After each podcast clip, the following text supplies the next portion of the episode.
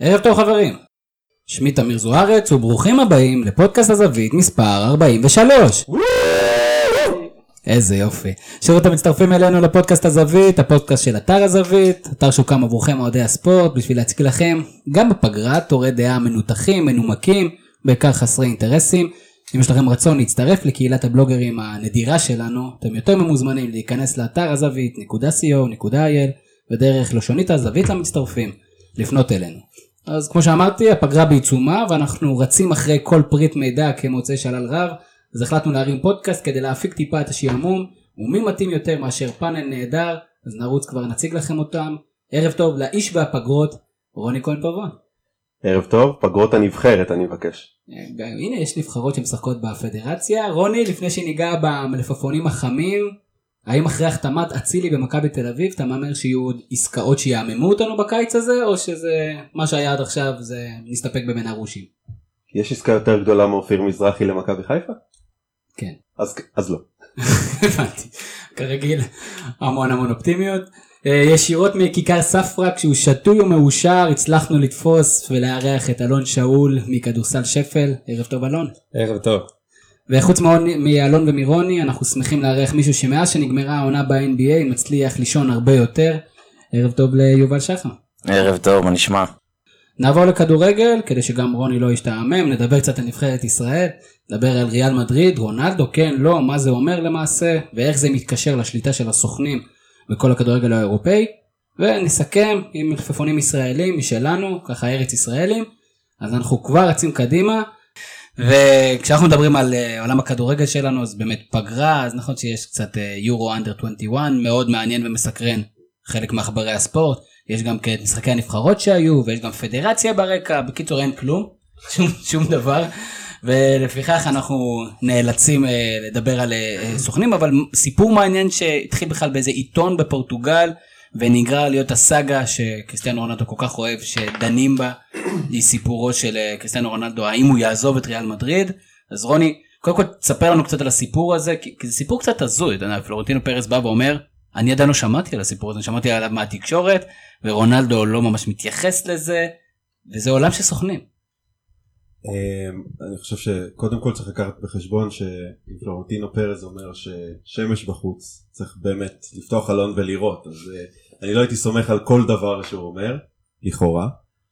על, על, על כל דבר או על שום דבר?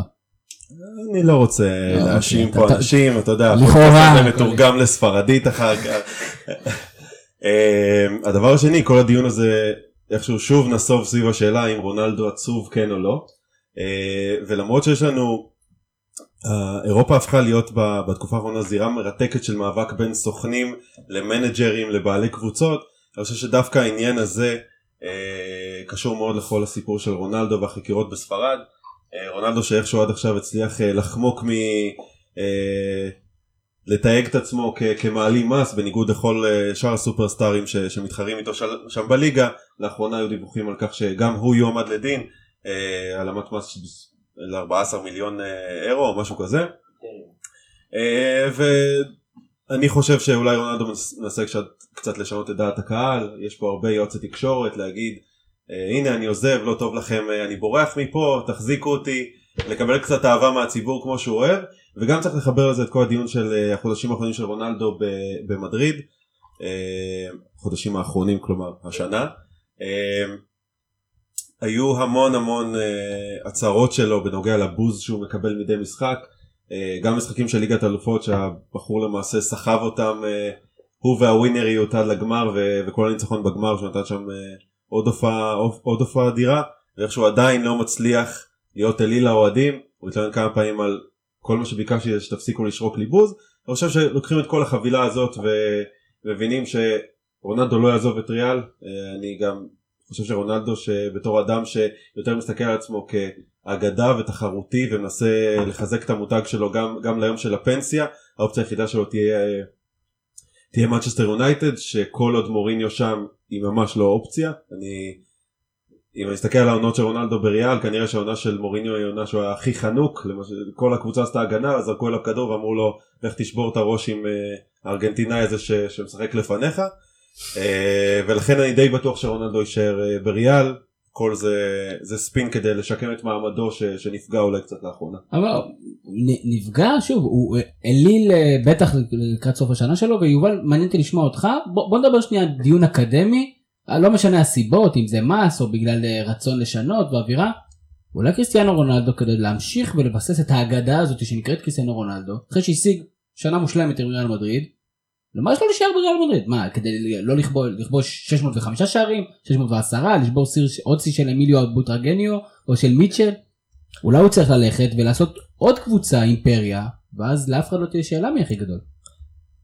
תשמע, אני חושב שקודם כל זה, זה בטוח דיון שמר אה, קריסטיאנו חושב עליו.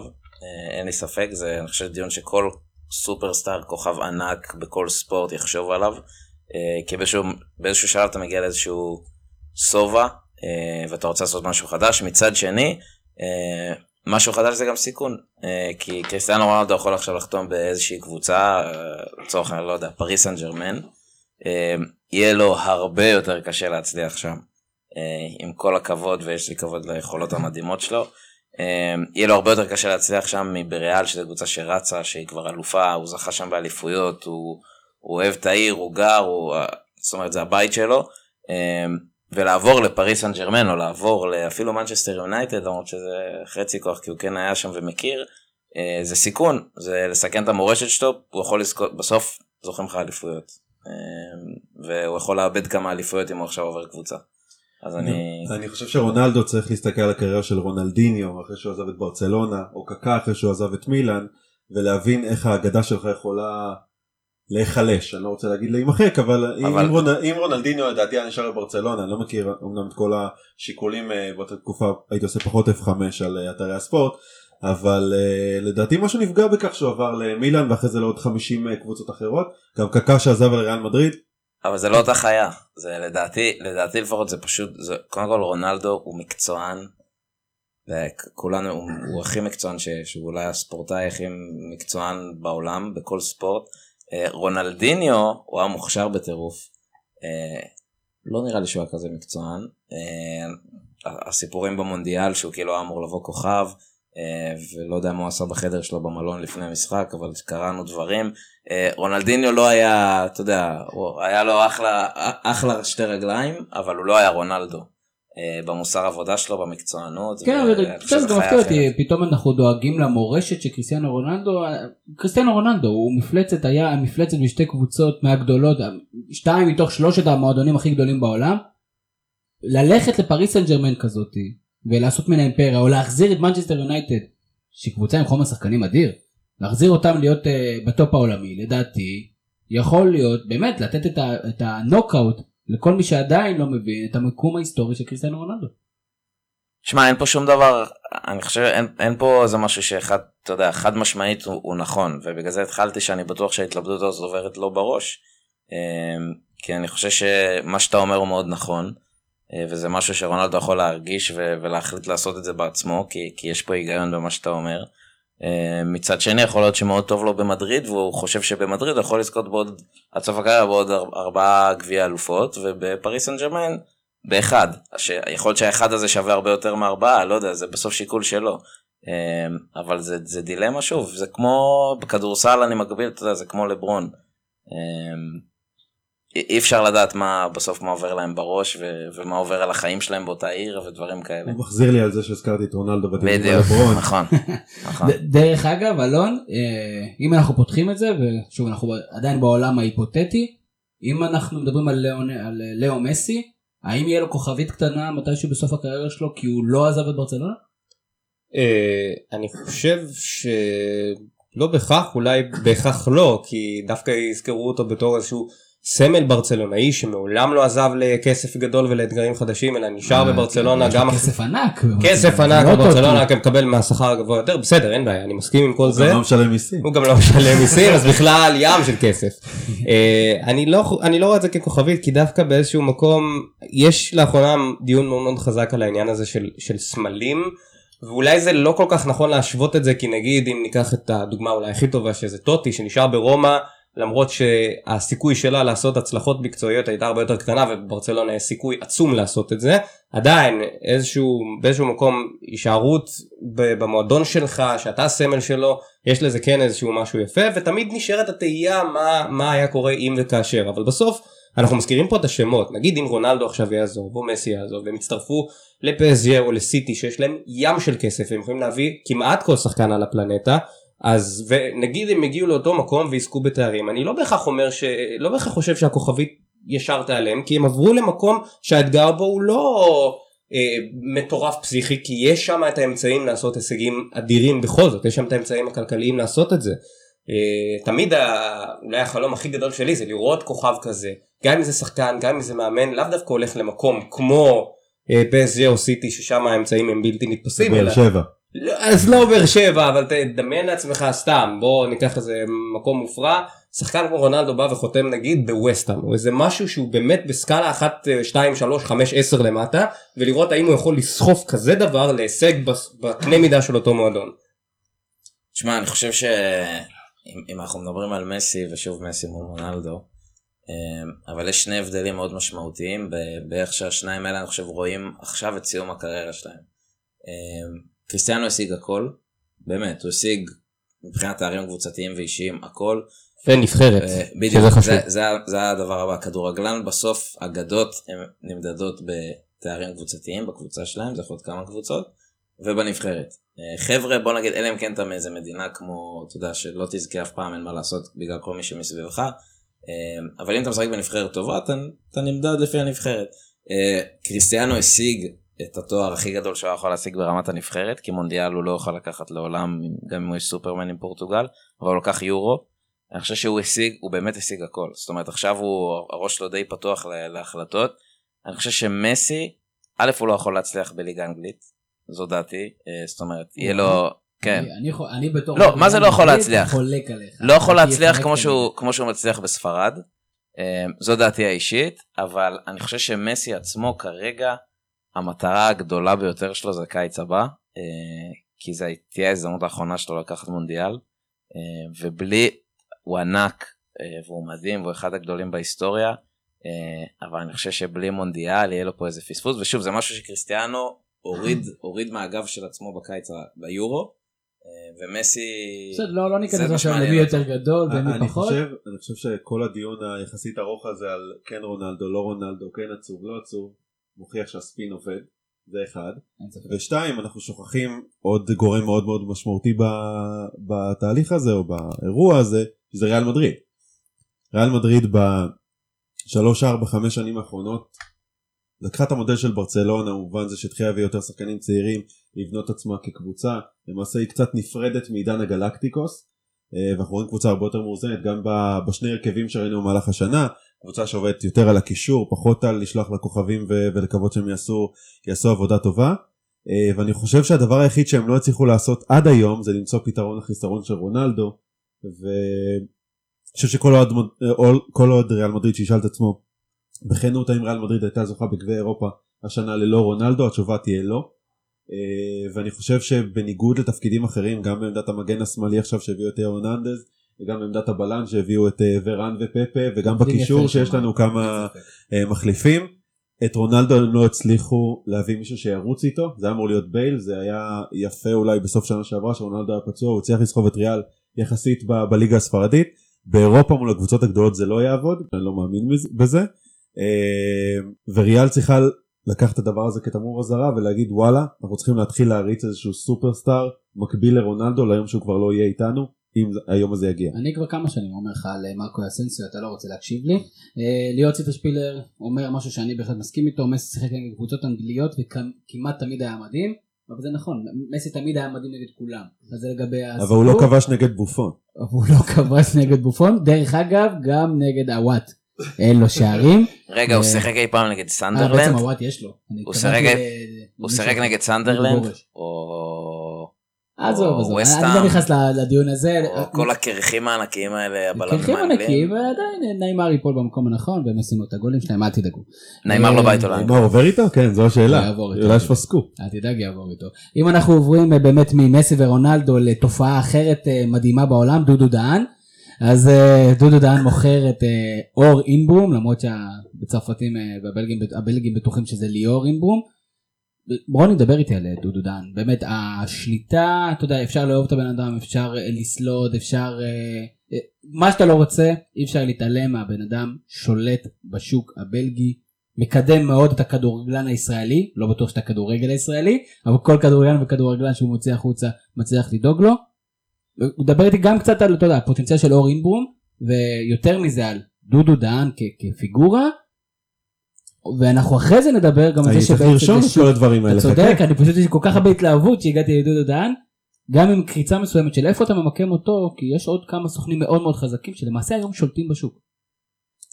אז קודם כל אה, אני מוכרח להודות שאין לי הרבה מה להגיד על אור אינברום וזה לא כי אני לא רואה את המשחקים של אשדוד כחלק מהליגה הישראלית אלא פשוט כי אני לא חושב שהבחור הזה עשה משהו יוצא דופן בכדורגל הישראלי. ועדיין 50% מהכרטיס בהערכות הפסימיות ביותר היו של 1.6 מיליון יורו עבור כן. 50% כרטיס. ו- ואני חושב שזה זה בדיוק העניין עצם העובדה שדודו דן הצליח לעשות את זה אה, ומצליח לעשות את זה כל פעם מחדש ואתה יודע מה אני גם הולך אחורה אני לא זוכר העברות כאלה היסטריות שלו והצלחות מטורפות אה, של שחקנים ישראלים שהוא הביא לבלגיה כלומר שחקנים ישראלים בדרך כלל עושים סיבוב בבלגיה וחוזרים ואיכשהו עדיין הבלגים אוכלים את הלקרדה הזאת ו- ו- וממשיכים להביא את הישראלים שדודו דן ממליץ עליהם אז קודם כל הוא כנראה איש עסקים מאוד מאוד מאוד ממולח אה, הוא מצליח לדחוף שחקנים שאני באופן אישי לא הייתי רואה אותם מועמדים לקבוצות בחירות בליגה הישראלית, להביא אותם לקבוצה שמתמודדת שנה אחרי שנה ב, בליגת האלופות. אה, אין מילים, כל הכבוד לו. אה, אני יום אחד אצטרך אה, להבין את, ה, את התופעה הזאת אם אני אתפוס איזה בלגי. דודו אם אתה שומע אותנו ת- תבוא אלינו לאולפן אנחנו מוכנים לארח אותך תספר לנו מה אתה עושה אנחנו, אנחנו מוכנים לגבות אה, כסף על שמיעה כן או לא. לא צריך פשוט אה, לשים לו אתגר לראות איך הוא מצליח למתג את הפודקאסט הזה ש-ESPN יקנו אותנו ואז יהיה ההקבלה המתאימה. לא לא ESPN בלגיה. ESPN ESPN בלגיה. איך בלגיה. הצרפתית שלכם? בדיוק. אבל רבבות שבו אליי אורינבום. הוא אמר. פסאז' מקודם. ואנחנו כמובן מאחלים המון בהצלחה לאורינבום ואנחנו מקווים מאוד. ילד מאוד מאוד אה, אה, עם פוטנציאל מאוד מאוד גדול. יש שם אחלה מושבה ישראלית עכשיו עם שלושה... שניים ישראלים ואחד אמריקאי אבל אה, כן. אה, אלוהים יודע מה קורה שם וכן אבל בבלגיה ממשיכה להיות הספקית המרכזית ואנחנו פשוט אנחנו נעצור את הדיון על הסוכנים פה כי אנחנו לא יודעים מספיק פשוט ככה. אנחנו רק יודעים שזה מדהים אנחנו מסתכלים על זה מבחוץ אני רואה את ה... אני עוקב אחרי דודו דהן בפייסבוק אני רואה דברים שהוא כותב ואני אומר בסדר עוד ישראלי שעושה קצת אה, עסקים אבל בפועל אתה רואה שהעסקאות שלו מדהימות אה, ובכלל אני חושב שכל התופעה הזאת של, של סוכנים אה, עברנו מאירופה לישראל אבל אולי שוב צריך לחזור, לחזור קצת לאירופה אה, זו תופעה שקצת לדעתי פוגעת בכדורגל היום. ספציפית לגבי ישראל אני חושב ודיברנו על זה קצת לפני הפודקאסט פעם שחקן ישראלי היה יוצא לחו"ל הוא היה יוצא לחו"ל אתה יודע שברקוביץ' עובר ל... לא גרונייס. סליחה? לסאוטהמפטון אתה אומר טוב אני נפרד ממנו ל-10-12 שנה כנ"ל רביבו כנ"ל אה, בניון בזמנו ואתה אומר תודה על כל מה שנתת נתראה עוד כמה שנים תבוא לפה לפרוש זה תמיד לא. היה השיח. אבל זה לא, אני חושב שאנחנו זוכרים את זה ככה. זה גם לא, זאת אומרת, אתה צודק, זה הרבה יותר, זה הרבה יותר ככה מהיום, אבל אבי נימני, אה, איציק זוהר, אה, זאת אומרת, היו כל מיני אפילו, עידן- לא עידן טל שיחק קצת, אבל לא עשר שנים, אה, כן דוד חזרו, אמסלם בקריסטל פלאס. נכון, נכון, אה, אבל הכמויות, הכמויות היו אחרות לגמרי, זאת אומרת, היום זה, נכון ואתם יודעים מה? אני אחבר את זה לסוגיית אצילי. אצילי מהיום שהחתים את דרכונו בנתב"ג מדברים על היום שהוא יחזור והאם זה למכבי תל אביב הפועל באר שבע ומכבי חיפה. כלומר אירופה הפכה להיות יעד לנפח את השווי שלך באופן לא פרופורציונלי כדי לחזור זהבי עשה את זה מעולה. אני לא יודע אם אצילי זו הייתה דוגמה טובה כי אצילי דווקא עבר לקבוצה תחתית ספרדית אחרי שנתיים טובות שנה מצוינת בליגה הישראלית בגיל סביר עם דרכון אירופאי. זאת אומרת דווקא אצילי אם אני הייתי צריך לשים את הכסף שלי הייתי מאמין שהוא כן יצליח שם להראות את הפוטנציאל שלו כי כביכול שוב ליגה top 3 top 2 בעולם באירופה יחד עם קבוצה מתאימה עם מאמן שבנה עליו אני דווקא חשבתי שהוא כן יצליח שם בינואר כשהוא לא קיבל דקות אז היה ברור שהוא יחזור כי תכלס מה יש לו לעשות לבזבז עוד שנה על איזה מאמן בסנדרלנד הרי בזמנו שדקה קנן עבר, עבר לליגה האנגלית, ואז אחרי זה ירד לליגה השנייה, ודווקא שם... אז זה- בדיוק ההשוואה. הנכונה. דקל- דקל קיינן שיחק לדעתי בכל ווילש, צפון אירלנד אה, ושאר הליגות הפריפריאליות לליגה האנגלית, ועדיין לא ויתר. הוא אמנם החזיק שם רק שלוש וחצי שנים, עבר 18 קבוצות, אבל אה, הוא היה שלוש וחצי שנים באירופה? לדעתי כן. וואו אנחנו, אנחנו, בינתיים אנחנו היה נבדוק שם את זה. לא, לא מעט. אה, ו- ועדיין לא ויתר וחזר באמת אחרי שמכבי חיפה הציעה הרבה כסף שהייתה במשבר חזר הביתה וכולי וכולי. ואני חושב שהיד על ההדק של הישראלים לחזור לישראל היא, היא, היא, היא משמעותית הרבה יותר אה, קצרה. אה, אני לא חושב שיוסי בניון מישהו חשב אחרי חצי שנה שהוא יחזור לישראל קנה לו כל שאר הכוכבים. אה, אני מסכים היו, היו כמה כאלה אבל סטטיסטית בואו נגיד זה היה 50 אחוז היום לדעתי 90 אחוז תמיד מדברים עליהם שיחזרו חוץ מנטקו נטחו אה, נטקו. לא יודע איך זה יצא אז טוב, מסעדה בנהריה עשית ממנו. זה ה manager, ה manager משפיע. אה, לא המבטא הבריטי שלי מתפרץ לפעמים כן. אה, אה, ברדה שעשה כמה שנים יפות ליאור רפאלוב, כן תפספס, רפאלוב עשה... עושה. רפאל אברהם גרשון לא, ועדיין. אנחנו מדברים פה על ארבעה מתוך 40 שיצאו בשש שבע שנים האחרונות. זה אחוזים מאוד מאוד נמוכים שהישראלים שורדים באירופה. זה נובע גם מהעובדה שבהמשך למה שאמרתי על אור אינברום יוצאים ישראלים מאוד לא בשלים מדלגים על הקבוצות הבכירות בכדורגל הישראלי. לדעתי זה גם פוגע מאוד בקבוצות האלה. הן גם משלמות אחרי זה הרבה יותר כסף כאשר השחקנים האלה חוזרים אז זה גם אה, עוד, עוד סוג של פגיעה. ודבר שני עצם העובדה שמישהו מחכה לו בשכר מחומש ממה שהוא יצא גורם לשחקן ישראלי אומר יאללה נאכל את המפרום של אמא נצא לשלוותה בימי רביעי. ואגב אני לא תמנות חסות אני סתם בינתיים בדקנו ודקה קינן עבר בשנתיים כן. 800 קבוצות, אה, התחיל זה הרגיש בבלק- הרבה יותר. בבלקפול, בלקפול, קרדיף, כן. קריסטל פלאס ובריסטול. אוקיי? בדיוק. מ-2010 עד 2012. קריירת מנג'ר קלאסית שלי. שהרגיש כמו שלוש וחצי. כמו שהוא משחק אה, עשר שנים במכבי חיפה וזה מרגיש כמו שישים. הוא גם מסתובב שם עם הקרסול מאז המשחק נגד מכבי תל אביב. אני חייב להגיד. שאני מאוד אוהב את דקה קינן, אני חושב שהוא גם גם אני. הוא גם אחלה, אז אנחנו רוצים לפרגן, אנחנו באים באהבה, אנחנו לא באים אה, ללעוג, למרות שספציפית זה הצחיק אותי. אה, אם אנחנו ממשיכים אה, הלאה, בוא נדבר שנייה על טל בן חיים. מה קשור ספרטה פראג? זה- זה- זה מריח ינואר, אני- מריח חזרה בינואר. אני חושב שאולי נלך צעד אחורה ונדבר רגע על אצילי. ואצילי הגיע למכבי תל אביב, מכבי תל אביב רוצה לחזור לקדמת הבמה, להיות יותר עוצמתית מבאר שבע שכבר רצה כמה שנים, סגל מרשים. אצילי בא לכנף ימין, אה, עמדה שחוץ מעמדת המגן השמאלי כנראה הכי בעייתית במכבי תל אביב בשנים האחרונות. מה מכבי תל אביב עושה? כנראה שאין לה שליטה על זה כל כך, אבל היא גם לא נלחמת בזה לפחות לפי התקשורת, משחררת את הבחור בכנף שמאל. אה, שגם אין כל כך הרבה מחליפים היום אה, בכדורגל הישראלי. לדעתי אם טל בן חיים באמת יעבור, ולמרות כל הביקורת שלי עליו אה, בפורומים שונים וגם בפודקאסט סיום העונה שלנו, וגם בפניו, לפעמים כשאני רואה אותו באצטדיון, לא, זה עוד לא קרה, לא, לא, הוא, לא, הוא לא שמע. אה, אני עדיין חושב שהוא מהשחקנים הבולטים בכדורגל הישראלי, מכבי תל אביב רוצה לחזור אה, להיות אלופה, היא הייתה חייבת להילחם על זה שהשחקנים הבכירים שלה יהיו. לדעתי להחליף את אצילי בבן חיים, בכל מחיר? אה, סליחה הפוך, להשאיר אותו בכל מחיר? אני ממש אני- לא מסכים. אני חושב שבתור מישהו שהנושא קרוב לליבו, נגדיר את זה ככה. אה, אני חושב שמכבי חייבת למכור, אם זאת אכן ההצעה והם מפעילים את הסעיף שחרור. אתה עושה עליו, מה זה, 2.9 לדעתי. כן. אתה יכול להביא את אלירן עטר במיליון וקצת. עומר נדבר, אלירן עטר, האם... לא, לא, אני אומר- כי אנחנו דיברנו על זה גם בפודקאסט סוף אג- השנה, אחת דעות היו מאוד חלוקות כלפי... אגב, אני חושב שגם. טל בן חיים, לעומת בלגיה, שאמרתי, אתה יודע, לא, לא בטוח איך זה יסתיים, אני חושב שספרטה פראג, אני לא זוכר אם הם משתתפים באחד המפעלים באירופה, אבל כאילו, שים את טל בן חיים בליגה הצ'כית. אה, הוא יעשה, זאת אומרת, מבחינה מקצועית, אני חושב שיהיה לו חלק אה, משמעותי בק- בקבוצה בה הוא ישחק, אם הוא ישחק. אה, ואני חושב שבמכבי, שוב, כאחד ש, שנמצא ורואה, אה, טל בן חיים הוא אכן כישרון גדול, אה, והוא עושה טוב למכבי, אבל הוא גם מאוד מזיק למכבי.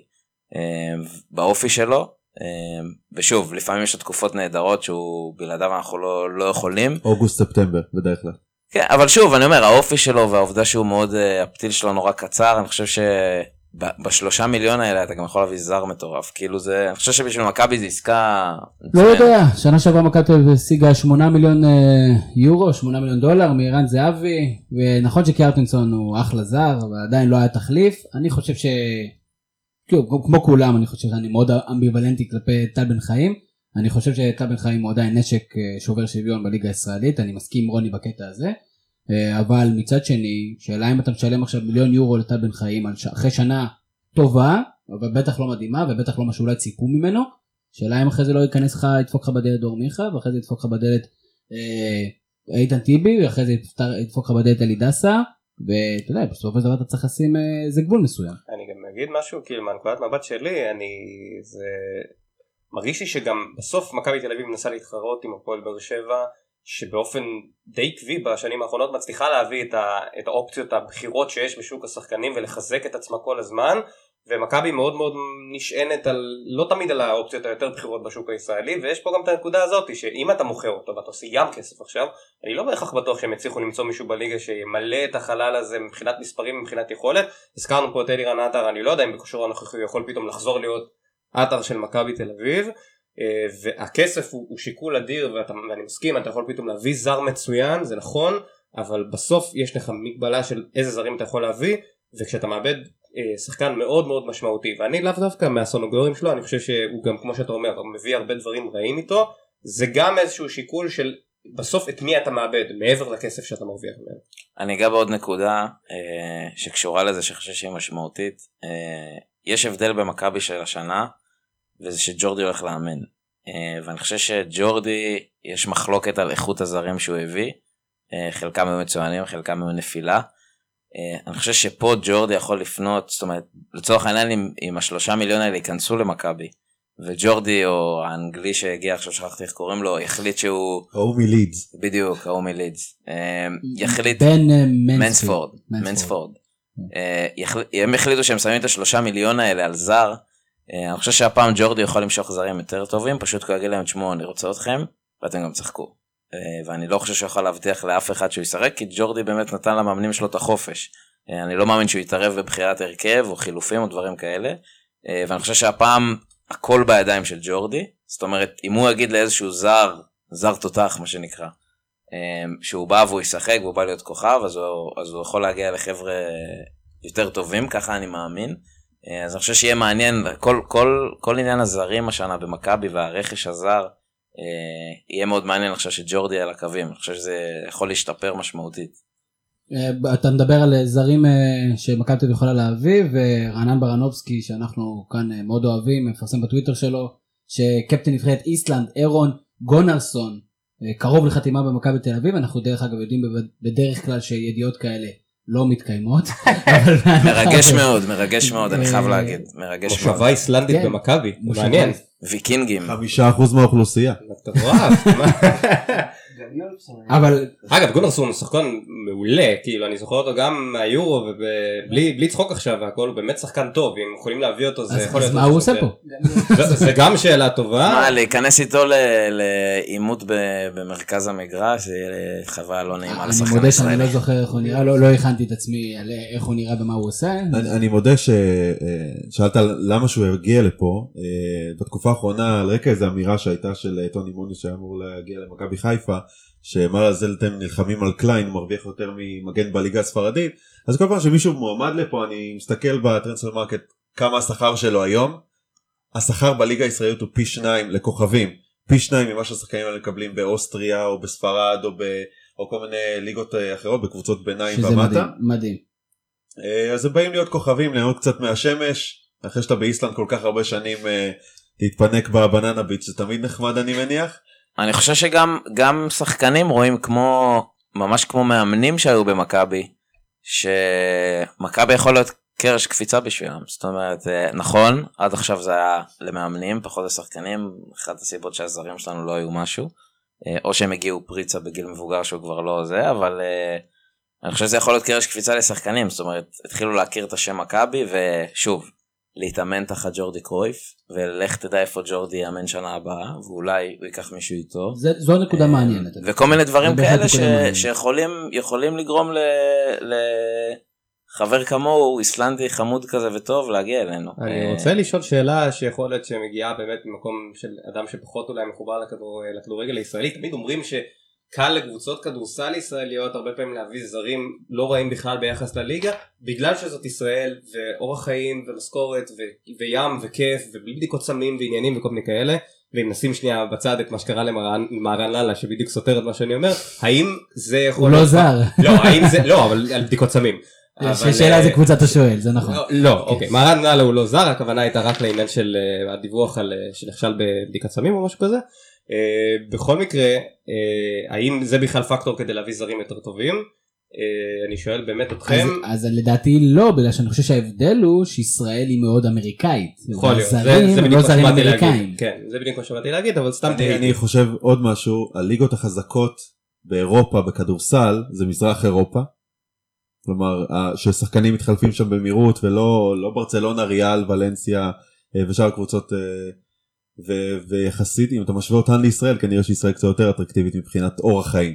כן. בכדורגל המצב הוא, הוא קצת שונה. גם אל תשכח, כשאתה מגיע בסופו של דבר למכבי תל אביב בכדורסל, אז אה, אתה בטופ האירופאי. בסדר, אני לא מדבר פה על מכבי תל אביב, אני מדבר על ג'ף אדריאן שמגיע לבני הרצליה לצורך העניין, כזאת דוגמה. אבל אה, סבבה. אני לא מכיר אותו. זה בגדול, בוא נדבר שנייה על ההתחזקות, אה, דיברנו יובל על ההתחזקות של מכבי תל אביב, מה עוד חסר למכבי תל אביב כדי לנסות לאיים על הפועל באר שבע? קודם כל, קשר אחורי, שוב, במידה והוא יגיע זה, זה יכול להיות אה, התקדמות משמעותית מבחינת ה... אגב, אם אפשר, אם אתה מדבר כבר על קשר אחורי, אני רציתי לשאול אותך לגבי ההחלטה לתת, או לא, לא יודע אם זה היה שיקול שלהם, לתת לאלברמן לעזוב למכבי חיפה, כי אני מאוד אוהב אותו כשחקן, אני יודע שהוא לא בפיק של הכושר שלו, תהיתי מנקודת מבט שלך, שחקן מאוד. אהוב במכבי תל אביב כמובן. אני חושב שקודם כל זה עצוב גם לי, כי הוא, בן אדם ענק מעל זה שהוא גם שחקן טוב, אה, אפילו טוב מאוד. אה, לדעתי פשוט אה, אם אלברמן היה מחכה קצת, כמו שיצחקי חיכה וטל בן חיים הבלם חיכה וכל החבר'ה, גם יוסי בניון שבסוף לא משנה מה היה שם החליט שלא, אה, הוא כן היה מקבל הצעה. אני גם מאוד יכול להבין אותו שהוא קיבל חוזה לשנתיים ולא לשנה ובכסף טוב ואני חושב שאין אין פה hard feelings בשני הצדדים אה, עצוב שהוא עזב אבל מכבי הוא בסדר בלעדיו. לגבי השאלה שלך תמיר אה, קשר אחורי חייבים. אני חושב שמכבי חייבת בלם בעדיפות לזר כי א' טיבי בירידה אה, ועל טל בן חיים הבלם גם לך תדע כמה אתה יכול לבנות ובלם זר יישב לי שם יפה. ושוב אם טל בן חיים עוזב אתה חייב קיצוני, אם טל בן חיים לא עוזב עדיין הייתי מביא קיצוני, זאת אומרת כן, כן אני חושב שחסר קצת עומק שם, אה, אבל קישור, קישור זה, וזרים, זאת אומרת אה, פחות חשובה העמדה, חשובה האיכות, כי אתה משחרר את סקריונה? אני משחרר את סקריונה, כן. אני מביא את סקריון למכבי חיפה. האמת היא, אני חושב שעוד איזה נקודה שצריך להתייחס, אני נגיד נורא התרשמתי מההתחזקות וההתייצבות של הפועל באר שבע וכל מה שקשור למשחק ההגנה, הייתה להם שם חוליית הגנה מדהימה, מיגל ויטור היה גניבה מטורפת בזמן שהוא שיחק והוא היה פצוע, ואם גם מסתכלים על מספרים, אז באר שבע ספגה העונה 18 שערים, מכבי תל אביב ספגה 28 שערים, אה, אני חושב שזה מאוד מאוד משמעותי, ברגע שיש לך חוליית הגנה שאתה יכול לסמוך עליה, אה, אה, ושהיא נותנת לך את היציבות אז הרבה יותר קל אחרי זה להתפתח להיבט ההתקפי ואני חושב שלמכבי היו לא מעט בעיות בעניין הזה. אז עכשיו נפרדו מבן ארוש הם הביאו דוד זאדה. אני כן חושב שבאיזשהו מקום זה שדרוג אבל צמד בלמים איתן שייצב את ההגנה הזאת זה כל כך חשוב לדעתי כרגע אין למכבי את זה ועד שלא יהיה לה את זה יהיה לה מאוד קשה להתחרות מול באר שבע. אגב דוד זאדה, אל תפוס אותי במילה, לדעתי בשלוש שנים האחרונות המספרים שלו זה איזה שלושה בישולים, זהו, כן, והוא כביכול בעל הטיקט של שחקן שיתמוך בהתקפה. כן, אז זה אני אני קצת מוכרח מטעה. לה- להגיד שזה מתחבר לדיון שעשינו קודם. אני לא חושב שדוד זאדה היה כזה כוכב אם הוא היה בהפועל באר שבע. כלומר זה שהוא טס לבלגיה וחזר פתאום כולן רוצות אותו. אני מוכרח להגיד שאני לא אבל- חושב שהרמה בינו לעמרי בן ארוש שאני לא חושב שעמרי בן ארוש הרמה שלו היא כל כך גבוהה. היא, אני לא חושב שההפרש ביניהם הוא כזה משמעותי שמכבי תל אביב. אני דווקא כמה חושב ש... תראה, דוד זאדה, הוא הרי היה בעונת האליפות הראשונה של באר שבע, עונה שעברה או לפני שתי עונות אם תרצה. אה, הוא היה שחקן נבחרת, הוא היה שחקן הרכב בנבחרת באותה תקופה. אה, אני חושב גם שכן, אם... עמרי בן ארוש באותה תקופה. נכון, אם היית שואל את ג'ורדי קרויף אז, אתה, אתה רוצה את דוד זאדה, הוא היה אומר לך מאוד, גם כדי להחליש את באר שבע, מה שקרה גם עכשיו. זאת אומרת, הוא אמנם לא הגיע מבאר שבע, אבל תודעתית הוא לקח, זאת אומרת זה הוא ובאר שבע וג'ורדי לקח אותו. אבל למעשה באר שבע לא היו צריכים אותו. כן, אני לא ברגע חושב שהם שיש רצו להם אותו את בכלל. קורות את ואת... אה, נכון. עמית, שהוא יותר אה, טוב ממנו. באמת שבתקופה ההיא אז זה מה שגם אני זוכר היו שני מגנים שמאליים ישראלים דומיננטיים בליגה שנחשבו יותר טובים מהשאר זה היה דוד זאדה ובן ארוש וכשמכבי הביאה את בן ארוש שכחת את הוואטחה. ואת הוואטחה שאני אגב קצת פחות מתחבר אליו אבל לא סבבה אני זורק אותו לדיון אה, והוא עשה גם עונה יפה בפרנקפורט ומבסוטים עליו שם מגניב. אה, אבל כשמכבי הביאו את בן ארוש אני חשבתי שזאת הייתה החתמה כן טובה אני יודע הוא לא גילה יכולת טובה בהרבה מאוד שלבים. אני חושב. שבשנתיים הראשונות הוא היה הוא היה בסדר בסדר אני גמור. חושב ואני חושב שהוא כן אני חושב שהוא פשוט יש איזו תחושת מיצוי מסוימת כי גם עם השנה הקשה הזאת של מכבי והרבה גולים מאוד זכורים היו על הגב שלו על הראש שלו או על הרגליים שלו. זה לא שהוא לא שחקן טוב שחקן מאוד מאוד כישרוני ואנחנו קבוצה זה מוביל כבר אתה יודע אנחנו כבר מובלים פה לעוד קבוצות אז דיברנו על מכבי תל אביב ופה באר שבע כבר התחלנו לדבר על, על הרכש הטוב שהם עשו בהגנה אולי על דברים מסוימים שהם צריכים לחזק גם כן. ועמרי בן ארוש לדעתי בסופו של דבר החתמה טובה של מכבי חיפה כן. לא המון כסף אני לא מסכים. כן עם ניסיון לא מסכים. לא. אני חושב שבן ארוש, שוב, כאחד שכמה שנים הוא במכבי ארבע, ארבע שנים. אה, ראה אותו כל שבוע, כמו שאמרת, הוא נתן שנתיים ראשונות מצוינות, בעיקר בעונה של סוזה, הוא היה מצוין. שיחק שם בלם לדעתי. אה, לא לא לא. אבל. לרוב לא- לא השחקן אה, השלישי דווקא מי שהיה בדרך כלל הבלם השלישי במקרים האלה היה ייני. נכון, והוא הוא החביא הרבה פעמים את בן ארוש במערך של השלושה בלמים, כאילו חצי מגן חצי קשר, ויותר עסוק בהתקפה, מה שבן ארוש, הוא, הוא אמנם שחקן הגנה, אבל הוא, הוא בהתקפה טוב, הוא מהיר, הוא יכול להרים כדור ביחס למגן ישראלי. אה, אני חושב שההגנה שלו רעה מאוד, אני לא זוכר, אני חושב שמריבור היה אחד המשחקים האלה שהוא, שהכדור קופץ פשוט מעליו. שהוא מכר אותנו, לכאורה, חס וחלילה. לכאורה. מה זה לכאורה? לכאורה לכאורה. אבל אה, לא, אתה רואה, זאת אומרת, שחקן הגנה, וזה לא משנה אם הוא מגן או בלם, אה, והכדור עובר מעליו, והוא מסתכל על הכדור ולא קופץ. אה, וזה לא המקרה היחיד שבן ארוש ייצר למכבי תל אביב חורים בהגנה, והיו הרבה. אה, ויש סיבה טובה שהוא הפסיק לשחק. זאת אומרת, אה, זה לא היה מקרי, או זה לא, אין ספק סיבה... שהוא מיצה את עצמו במכבי תל אביב. ועם זאת, בשוק הישראלי הדל שדיברנו עליו, החתמה טובה של מכבי חיפה, האם אנחנו יכולים להגיד אותו דבר על שאר הרכישות של מכבי חיפה בחלון הזה? אני חושב שמכבי חיפה עושה דבר נכון וזה שבניגוד לשנים קודמות היא גורמת לאוהדים שלה לא לפתח ציפיות. אמ, אבל זה מה שאמרתם שנה שעברה. למה? שנה שעברה הגיע מנהל מקצועי, הגיע הולנדי דובר אנגלית אה, רהוטה, אה, ניצחנו את הפועל תל אביב היורדת מהמקום האחרון ב-1-0 במחזור הראשון והצהרנו שאנחנו רוצים לאליפות, ציפיות היו, ואתה יודע מה, אני, אני, אני אומר את זה קצת בצחוק, אבל עד אוגוסט יהיו עדיין ציפיות. אה, אני חושב שמכבי חיפה עדיין לא הבינה מה עבר עליה שנה שעברה. היא, יש לה כל כך הרבה עמדות שהיא צריכה לשפר שהיא לא יודעת איפה, איפה להתחיל. הדבר ההזוי הזה עם המנהל המקצועי אני עדיין לא יודע בעצמי איך לא, היה. לו בעיה משפחתית, המשפחה שלו פשוט לא רצתה שהוא יבוא לישראל. אה, לא הוא רואה בחטף משפחה. אה, ואני חושב שאתה מבין כמה מכבי חיפה במשבר שהיא מוציאה את המכתב שהוא שלח לה שאני מניח שהקבוצה גם ביקשה ממנו לכתוב כדי להגן אה, מול האוהדים. מכבי חיפה צריכה קצת להתנקות יש מספיק טירוף במערכת הזאת כבר מספיק שנים. אה, להתנקות לבנות קבוצה להפסיק עם ההצהרות הפומפוזיות האלה להפסיק כל הזמן. דבר איתי על ההחתמות, תפסיק, הרי אנחנו נדבר על מכבי חיפה שבוע הבא ועוד שבועיים ועוד דיברתי איתך על חודשיים. זה שבוע. דבר איתי, נכון, דבר איתי על ההחתמות, מה אופיר מזרחי עומד לחתום, יש. דיבורים על גדי קינדה, אתה יודע מה, מה, מה מטריד אותי אולי הכי הרבה? שאנחנו תמיד שומעים במכבי חיפה מי הולך לחתום, ואשכרה אחרי שבועיים הוא חותם. במכבי תל אביב מדברים על מי הולך לחתום וכאלה דיבורים וזה, ואחרי זה אתה מבין שהוא בכלל מנחית לך על שחקנים אחרים לגמרי. זה לא אה, חלק מהבעיה? קודם כל מכבי תל אביב מדברים על שחקנים הרבה יותר מבטיחים ואתה יודע בוא נדבר על מי שחתם. עמרי בן ארוש לא העובדה שיש לנו חוליית הגנה שמורכבת כבר משניים וחצי זרים השלישי כנראה בדרך זה זה מיותר לחלוטין אה, חוליית הגנה של ארבעה אה, שחקנים בטח אם יש ארבעה זרים בטח אם יש לך חמישה זרים רק על המגרש ולאור כל הבעיות שיש לך אה, בהתקפה אז אנחנו מסכמים שזו. החתמה בהחלט סבירה של מכבי החתמה. סבירה אין מגן שמאלי רלוונטי יותר טוב בשוק היום טוואטחה הוא לא בהכרח מגן והוא בטח לא יחזור. ואגב אומרים במרוש יכול דווקא לשחק לא רע במערכת של שלושה בלמים שזה חלק מהדברים אני לא אה, חושב שהוא בלם השנה. טוב, אני ממש לא, אני- הוא שיחק במכבי תל אביב לא, לא, נגד לשחק- מאריבור לשחק. כבלם, מגן שמאלי או קיצוני שמאלי ב- במערכת של שלושה בלמים אולי כמו שאמרתם כדי אה, להסתיר אותו. אני אני אקח את הדברים שלך ש- שהוא לא שיחק בלם יכול להיות שאני שוגה. אתה שוגע, אתה שוגע, נמשיך. אמ, אלברמן אמרתי גם בפודקאסט אה, סיום העונה לדעתי החתמה מעולה. אה, מכבי חיפה בנויה כבר שנים יותר מדי מרכיחות אה, בטח אחרי שקטן עזב. אין, לך אפילו את מי להאשים כי אתה לא יודע אתה מסתכל זה מסכן וזה מסכן וזה מסכן וזה מסכן. החבר'ה צריכים מישהו שיחזיק אותם מישהו שעבר כמה דברים אה, אה, בכדורגל ולא אה, כל הפסד והם באים מוקדם בדרך כלל ישר לרוץ לחדרי הלבשה כן להודות לקהל לא להודות לקהל מישהו צריך לעשות להכניס שם שפיות לכל השיח הזה אה, סביב הקבוצה.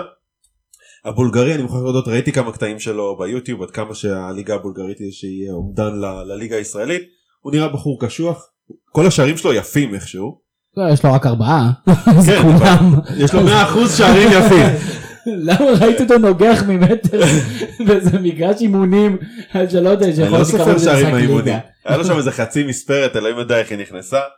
אה, שחקן נבחרת בולגריה, כך שכנראה שחקן רע הוא לא. אה, כבש גם בנבחרת בולגריה אה, לאחרונה הוא נראה קשוח הוא נראה משחק לעומק ששנים מכבי חיפה לא הוא לא קשר התקפי? הוא קשר 50-50 אה, שאין תפקיד כזה היום אז אני לא מבין למה אני רואה בכל מקום דיווחים על זה שהוא קשר 50-50 יש לו קשר אחורי או קשר אחר באמצע אה, אין הרבה שחקנים ששחקים בעמדה הזאת אה, בכדורגל שאני שאני אה, עוקב אחריו. נסיים את הדיון על מכבי חיפה, אתה משחרר את אלירן עטר למכבי תל אביב בס- בסכום סביר, כי הרי שני מיליון הם לא ישלמו, וכנראה שחיפה תרצה יותר מכמה מאות אלפים, ואת שלומי אזולאי.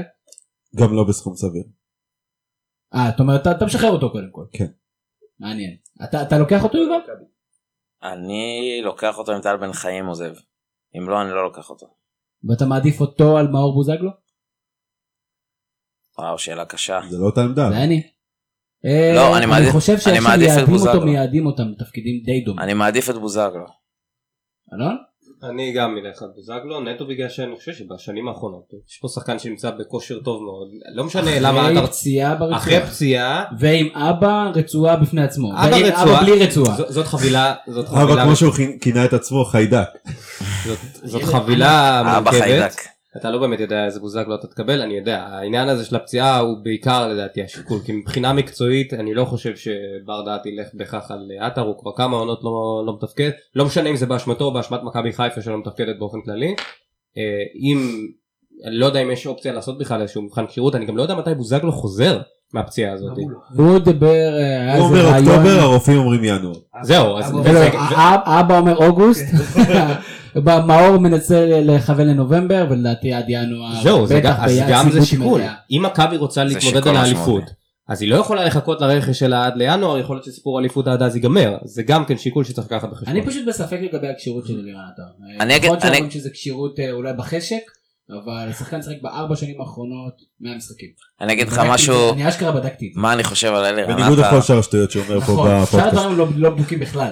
שמע, אלי רנטה הוא מסוג השחקנים באופי שלהם, אה, שמאוד צריכים להרגיש בבית. הם צריכים חום. הוא- אני, אני, אני מאמין ש, שזה האופי שלו גם. מחוץ לכדורגל. אה, אני חושב שבמכבי הוא קיבל את זה, בבני יהודה הוא, הוא מן הסתם קיבל את זה, זה היה קבוצת הבית שלו. אה, באירופה בטוח הוא לא יקבל את זה, ומכבי חיפה, אני הרגשתי שכבר מההתחלה זה לא יעבוד, פשוט כי אני זוכר אותו כשחקן מכבי תל אביב, וכל הדברים שהיו לו עם הקהל של מכבי חיפה, והוא יכול להגיד כמה שהוא רוצה, שאחלה וקהל מדהים, וזה זה לא meant to be. אה, ואני חושב שברגע שהוא יחזור למכבי, והקהל של מכבי עדיין אוהב אותו, אה, וישירו לו, והוא ירגיש בבית, שם הוא יביא את היכולות שלו לידי ביטוי, בגלל זה אני חושב שהתקופה הזאת בחיפה היא, היא, היא תקופה חלשה שלו, אני לא חושב שזה מדד לאלירן, פשוט כי הוא, הוא שחקן שהחום הזה חשוב לו, והוא לא מקבל אותו שם.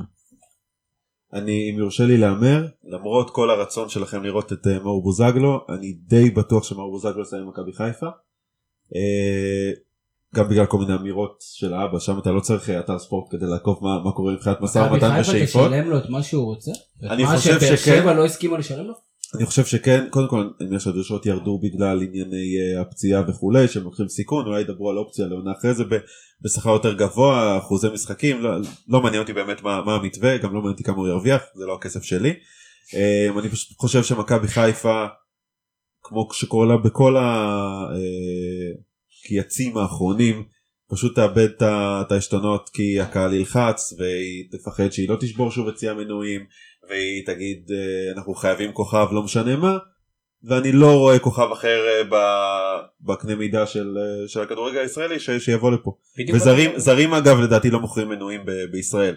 ואם אתה מסתכל רק על ישראלים הוא כנראה היחיד שיכול לעשות את זה. בדיוק באתי גם לדבר על העניין הזה. בסוף מכבי חיפה כאילו זה גם עוד משהו שמרגיש שחסר. מעבר לזה שיש להם בעיות כמעט בכל עמדה על המגרש אין להם איזה כוכב על שיסחוף את הקבוצה וייתן מספרים ובשוק הישראלי הכוכבים האלה מאוד זה, זה תחום מאוד מאוד מצומצם בטח ובטח שחקנים שעוד איכשהו ירצו להגיע למכבי חיפה ואולי בסיטואציה הזאת הוא בערך האופציה העיקרית שהם יכולים להביא. אתה, אתה יודע מה עצוב במה אבל שאתה גם אומר? כן שאלה, האם מכבי חיפה תחכה לבוזגלו עד ינואר, שוב. שבו הם כבר מכבי חיפה תהיה בדדו? אני לא קודם חושב כל אולי זה חלק מתנאי ההסכם. אה, סתם אה, אני חושב שמכבי חיפה אה, צריכה וזה מאוד מעניין אותה בשנים האחרונות מעניין אותה מאוד מותג מעניין למכור מנויים אה, מאוד דומה לארסנל אגב מה שקורה בשנים האחרונות היא הפכה להיות קבוצה שמאבדת תחרותיות מהר מאוד והיא מתעסקת הרבה בהייפ מסביב. אה, לא סתם הם השיקו ספינר של מכבי חיפה זמן קצר אחרי שהספינר אני, אני לא צוחק כלומר הקבוצה מאוד חזקה ב merchandise מאוד חזקה במותג לדעתי זה גם מביא אה, החלטות בנוגע לרכש כמו רועי קהת וואצק שנה שעברה שפתאום אה, הגיעו אחרי הרבה זמן שאמרו לא נוציא את הכסף ואז הביאו כי ראו שיש לחץ מה, מהקהל עם כל אירועי אה, הדייגים מאסטוניה ורוני לוי. אה, ולכן אני חושב שבוזגלו כן יגיע בלי קשר ל, ל, למקצועי כן או לא. אה, וגם אם יחזקו את הקבוצה במהלך הקיץ בזרים או בישראלים נוספים שיעבו את הסגל. מה שאני כן מה שכן אני רוצה להתייחס למה ש, שאלון אמר קודם. זה מה שעצוב ב- בכך שאתה אומר שאין כוכבים במכבי חיפה. בוא נעבור רגע על ההרכב בסדר אלירן עטר דמארי. אלברמן אה, פחות או יותר בסדר? קהת. קגלמאכר שהשחקן לא רע שנה שעברה ואני חייב להזכיר בכל פודקאסט את קגלמאכר. ואני חייב להזכיר שלא הגיוני שהבחור הזה אורוגוואי, הוא גרמני. הייתה נהירה של אה, אזרחים מגרמניה לדרום אמריקה בשנת אה, שנות ה-40 אוקיי. טוב נ- נתעלם מה... ועדיין מבחינתך במכבי חיפה אין כלום אגב אני כאוהד מכבי חיפה מסכים עם האמירה שלך גילי ורמוט. אז גילי אני- ורמוט. אז אני רוצה בדיוק להתייחס לעניין לשחק הזה. 90 דקות קודם כל אני חושב שההבאה של רועי קהת הייתה העברה טובה אולי הוא לא שווה את, הכ- את הסכום ששילמו עליו אבל הוא כן שחקן טוב. כל הכוכבים שהזכרת לדעתי הגיעו בסיטואציות שהם לא בהכרח היו בפיק שלהם ואני חושב שזה בעיקר העניין. אתה לא הבאת את הכוכבים הגדולים של הכדורגל הישראלי כשהם היו ב- ב- בטופ של היכולת שלהם איכשהו תמיד זה היה בנסיגה. לא, רועי קהת דווקא. לא, אז רועי קהת אני לא לוקח ככוכב. אני חייב- להגיד- רגע. רגע רגע אתה מחשיב את רועי כוכבים. ישראלים בפיק שלהם לא עוברים למכבי חיפה הם עוברים לבלגיה זה בדיוק העניין. אלירן עטר לא הגיע למכבי תל אביב בפיק שלו כנ"ל לגבי מאור בוזגלו מליקסון וואקמה אם אה, נדבר לא על הבנתי, הכוכבים בקנה מידה מקומי לא הגיע למכבי תל אביב בפיק שלו? לא הוא היה בבני יהודה נכון, אה. הוא היה בפיק שלו, ואז הוא הגיע- למכבי תל אביב, אותו דבר ברק יצחקי, אותו דבר מאור מאור נכון. בוזגלו בסשן הקודם שלו. כן. שונה מאוד ממכבי חיפה שעכשיו כביכול אוספת את אני. אגיד לך עוד משהו על. מכבי חיפה, אני חושב שכל השחקנים שציינת הם שחקנים מצוינים, הם לא כוכבים. לא, הם כולם מצוינים, הם לא והייתי כוכבים. פותח איתם אם השנה הייתה 2010. לא, בדיוק, הם לא כוכבים מעבר לשיא, ועוד משהו על מכבי חיפה, זה שאני חושב שגם אם אתה תביא כוכבים, הבעיה במכבי חיפה היא בכלל ב, היא, היא בראש. זאת אומרת, היא בהנהלה. אני חושב שמכבי חיפה כדורגל, היא מכבי תל אביב כדורסל. אה, זה הנהלה. זה, אני חושב שזה בכלל לא קשור לסגל. אני בטוח ששמעת את פודקאסט סיום העונה ומה שאמרתי שם ואני אקפיד להגיד את זה כל, בכל פודקאסט עד שמישהו יוכיח לי אחרת. כל, האנש, כל השחקנים האלה שאתה אומר היו מצליחים בקבוצות אחרות. גם שכטר הגיע לפה אחרי שהוא שיחק הרבה מאוד זמן. אה, גם בניון הגיע בסוף הקריירה שלו.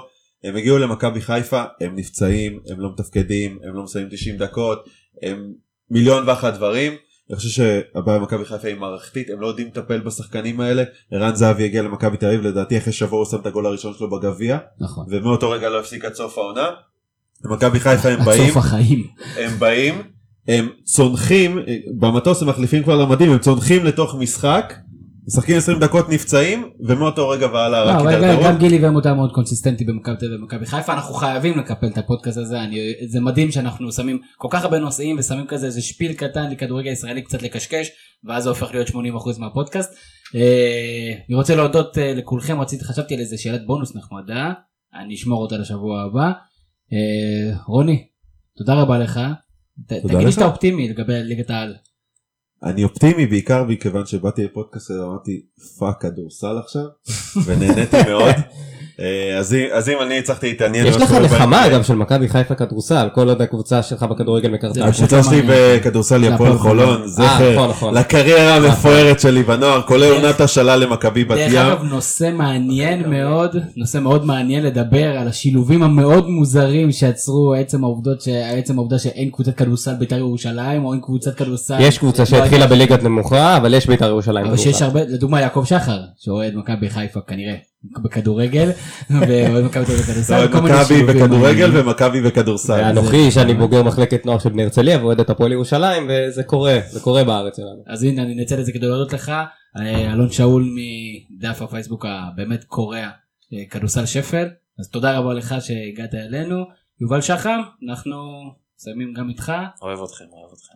אנחנו- זה הדדי מאוד ועבור עבור כל המאזינים שהצליחו איכשהו לשרוד את זה אה, במיוחד עם הברברת על מכבי חיפה.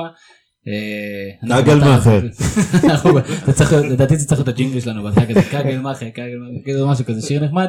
אז, צריך אה, להביא אותו. מי שרוצה את קגל מאכר כן, ואז לשאול אותו על האנוסים בדיוק. כל. ההיסטוריה, כל מה שקרה שם בעצם. אה, זה כ- כרגיל אצלנו פודקאסט הזווית באתר הזווית הזווית נקודה co נקודה il תמשיכו להאזין לנו לשמוע אותנו לבוא תצטרפו תהיו כותבים תהיו חלק מהמהפכה שאנחנו מנסים לעשות בתקשורת הספורט. אני הייתי תמיר זוארץ אני רוצה להודות לברק קורן על אה, זה שהוא בכלל סובל אותנו ומוכן בכלל להאזין לנו לפני שהוא חותך אותנו.